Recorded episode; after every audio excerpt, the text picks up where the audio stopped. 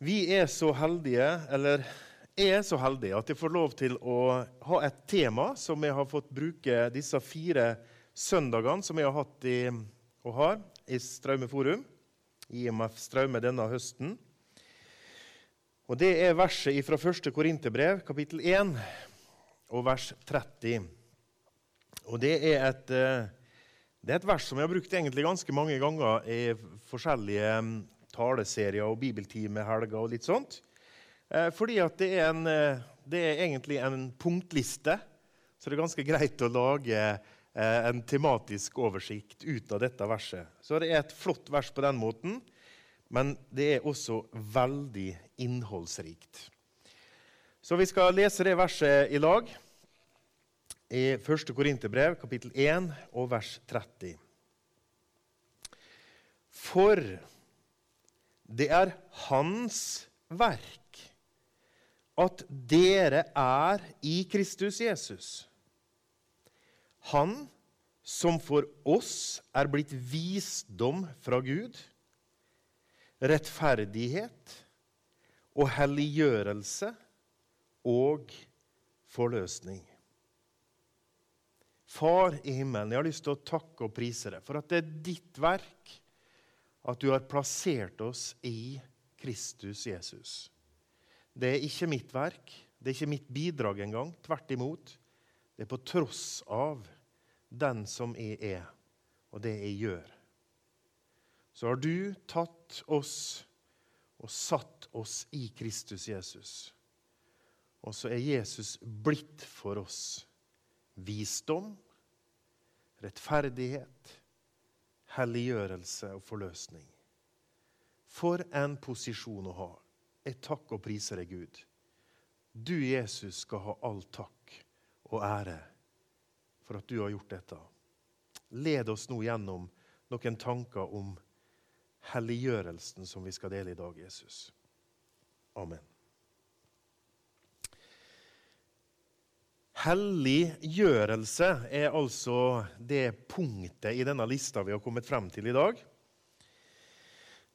Og Da vet jeg ikke hva du tenker på, og om du med en gang kjenner at du vet hva helliggjørelse er for noen ting. Og at det er helt naturlig for det at Jesus er blitt for meg helliggjørelse. For det er det dette verset forteller oss. Det verset forteller oss at det er hans verk at vi er i Kristus Jesus.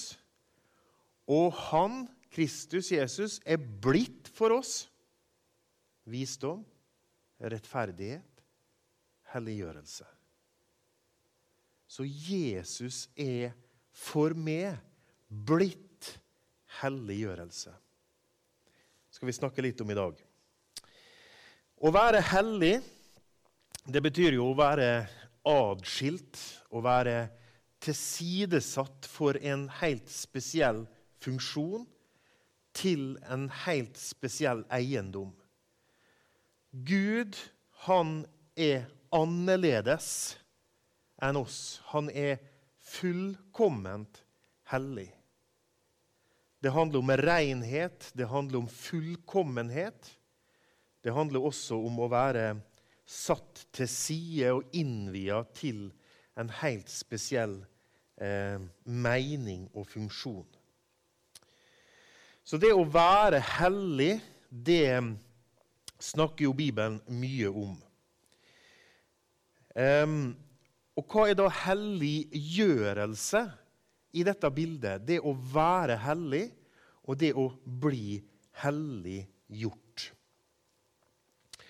Hvis vi nå slår opp i første Korinterbrev Du trenger kanskje ikke å slå opp engang. Hvis du er i kapittel 1, så skal vi bare lese vers 1 og 2 i samme kapittel som vi nå har lest. Og Der leser vi Paulus, ved Guds vilje, kalt til Kristi Jesu apostel, og Sostenes, vår bror, til den Guds menighet som er i Korint, de som er helliget i Kristus Jesus. Paulus innleder altså brevet sitt med å skrive til korintermenigheten. Og så sier han til de som er helliget i Kristus Jesus. Kalte, hellige I alle dager var en sånn fullstendig perfekt menighet da i Korint. Siden Paulus kunne liksom si 'til alle de hellige'. Nei, han fortsetter jo sammen med alle som på ethvert sted påkaller vår Herre Jesu Kristi navn, deres og vår Herre. Efeserbrevet 1.1, Filipperbrevet 1.1, Kolossebrevet 1.2 begynner med at Paulus skriver 'til de hellige'. De hellige. Og så forklarer han 'de hellige, de som tror', sier han i Efeserbrevet 1 og vers 1. Så det å være hellig handler altså om at Gud har gjort noen ting med det og med. Og du og jeg, vi har en bankkonto i himmelen. Og den bankkontoen setter altså Gud inn noen ting på når jeg og du omvender oss til Jesus og gir vårt liv til ham. Da er det slik at Gud på din bankkonto i himmelen så setter han inn rettferdig. Han setter inn fullkommen. Han setter inn hellig.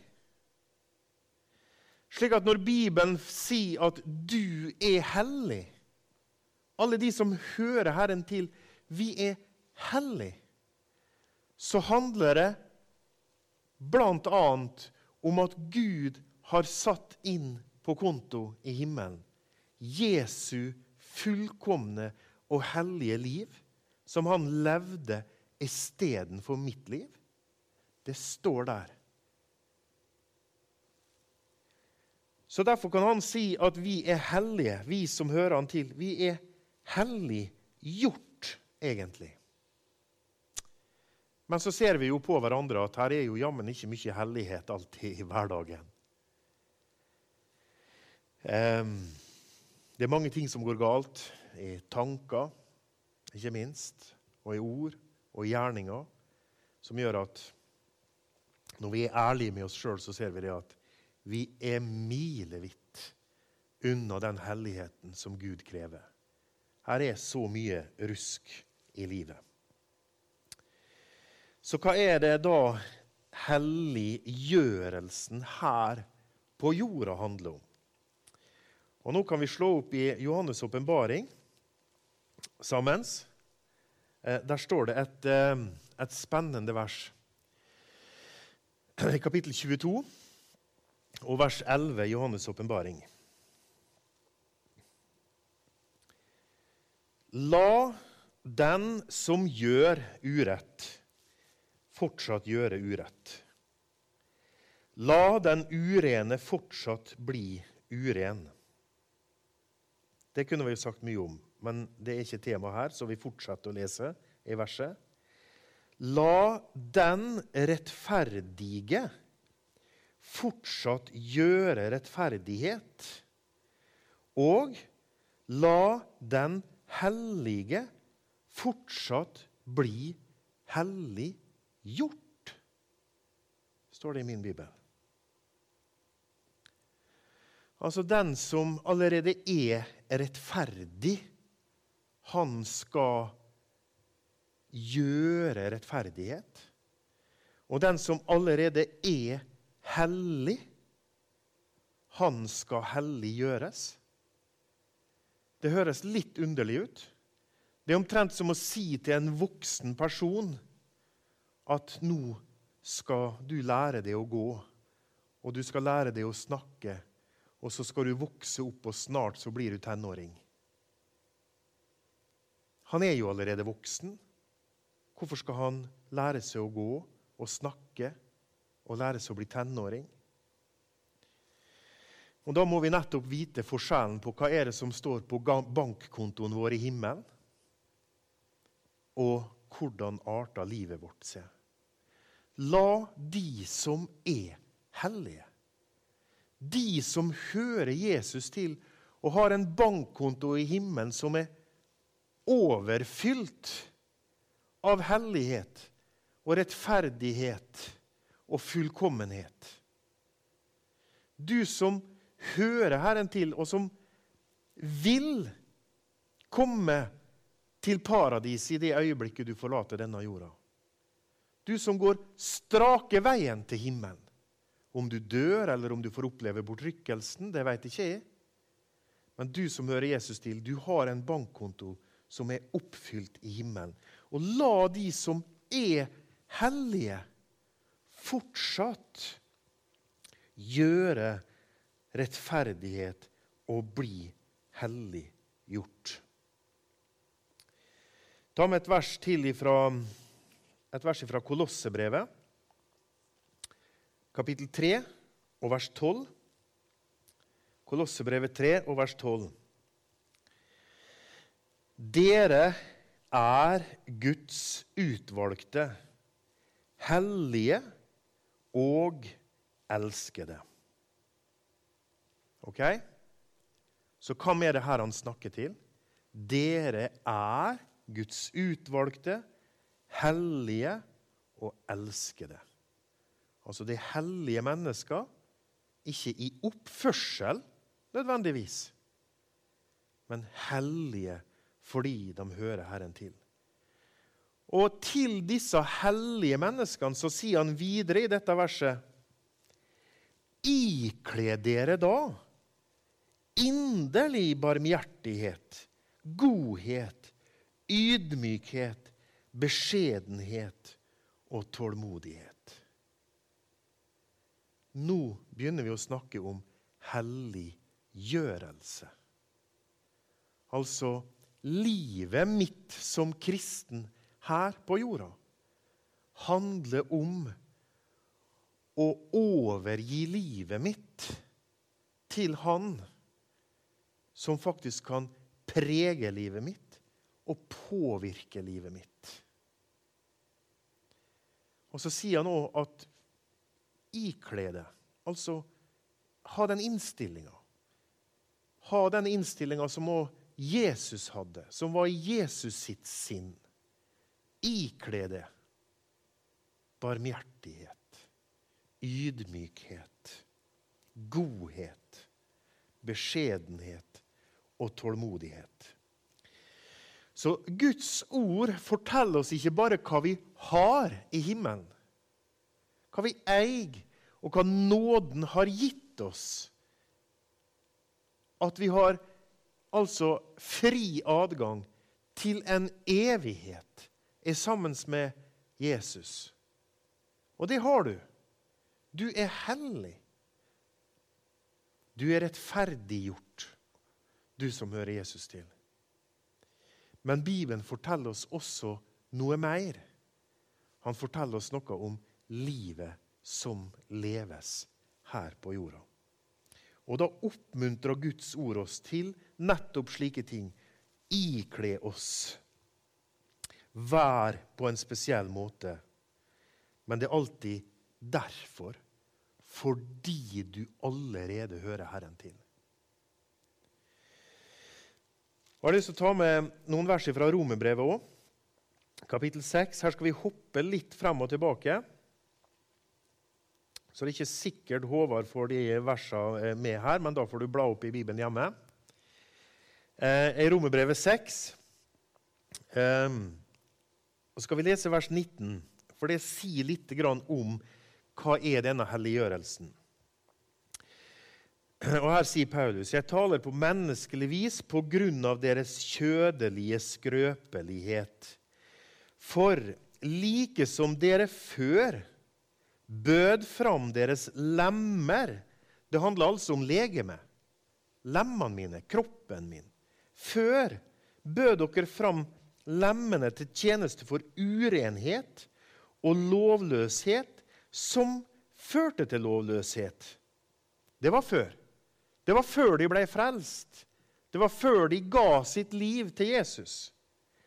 Men nå så by nå deres lemmer fram til tjeneste for rettferdigheten, det fører til helliggjørelse.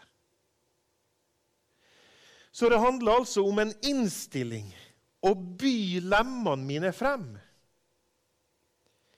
Vi synger i en sang 'Alt for Jesu fot jeg legger'. Og det handler egentlig om to ting. Når du skal bli frelst, så kommer du med alt. All din historie. Alle dine skitne tanker og synder og gjerninger. Og så legger du alt for Jesu fot. Ved korsets fot hos Jesus. Og så blir all din synd sletta ut. Fortid, nåtid og fremtid. Utsletta. Dødt og gravlagt. Alt for Jesu fot jeg legger. Du er hellig, du er rettferdig. Og så begynner livet sammen med Herren. Livet som hellig som frelst. Da har jeg også bruk for å synge den sangen. Jesus, alt for din fot jeg legger. Munnen min, tunga mi, som jeg sliter så ofte med, som er så skarp, og sier ting som sårer og ødelegger. Gjerningene mine, lommeboka mi, tiden min. Alt for Jesu fot. Du, Jesus, du må hjelpe meg. Ikle det ydmykhet, barmhjertighet. Henger du med? Vers 22 i Romerbrevet 6. Men nå, når dere er frigjort fra synden Halleluja! Det var ikke så mange i salen som sa det så derfor måtte jeg si det sjøl. Dere er frigjort. Du er fullkommen, hellig og rein. Og da er du blitt en tjener for Gud, nemlig. Da har du begynt å tjene Han. Og da har dere helliggjørelse som frukt. Det er et genialt ord. Og til slutt har du altså evig liv. Selvfølgelig, du som hører han til. Men frukt, altså. Helliggjørelse er frukt òg. Så han ber oss om å stille oss frem for han, ikle oss noe. Han ber oss om å presentere legemet vårt, lemmene våre, som vi før brukte til, til altså ureine ting. Det må vi nå passe på. Pass på at vi bruker kroppen vår til det som er Gud til behag. ikke sant? Men så får vi jo her vite at dette er jo en, en frukt, altså. Helliggjørelse er en frukt. Og hvordan får du frukt? Får du frukt med å gå på altså bibeltimer og møter og samlinger og der du tar med deg epletreet ditt, og så går alle rundt epletreet og, og virkelig bruker kjeft fordi at dette epletreet det bærer altså ikke frukt. Det kommer ikke mer frukt på det epletreet for dem. Skal du ha frukt altså Det er jo kanskje et av de enkleste bildene Gud bruker. Så må du faktisk gjødsle og vanne. Det, det eneste metodikken for å få frukt. Og når han sier at helliggjørelse er en frukt, så har du egentlig løsningen. Og hva var det åpningsverset vårt var? Han som for oss er blitt helliggjørelse. Ja, det handler om ei innstilling. Å legge alt for Jesu fot. Mine gjerninger, mitt liv. Det handler helliggjørelsen om. Men det handler vel så mye om å gi seg sjøl mat og næring på en slik måte at helliggjørelsen blir en frukt.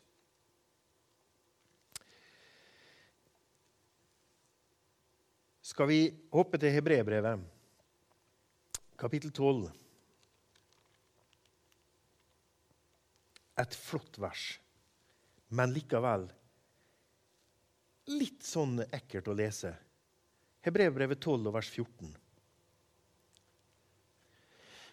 Det verset begynner med 'jag etter fred med alle'. Ok, Så det skal, vi, det skal vi verdsette. Vi skal forsøke å holde fred med alle. Og etter helliggjørelse.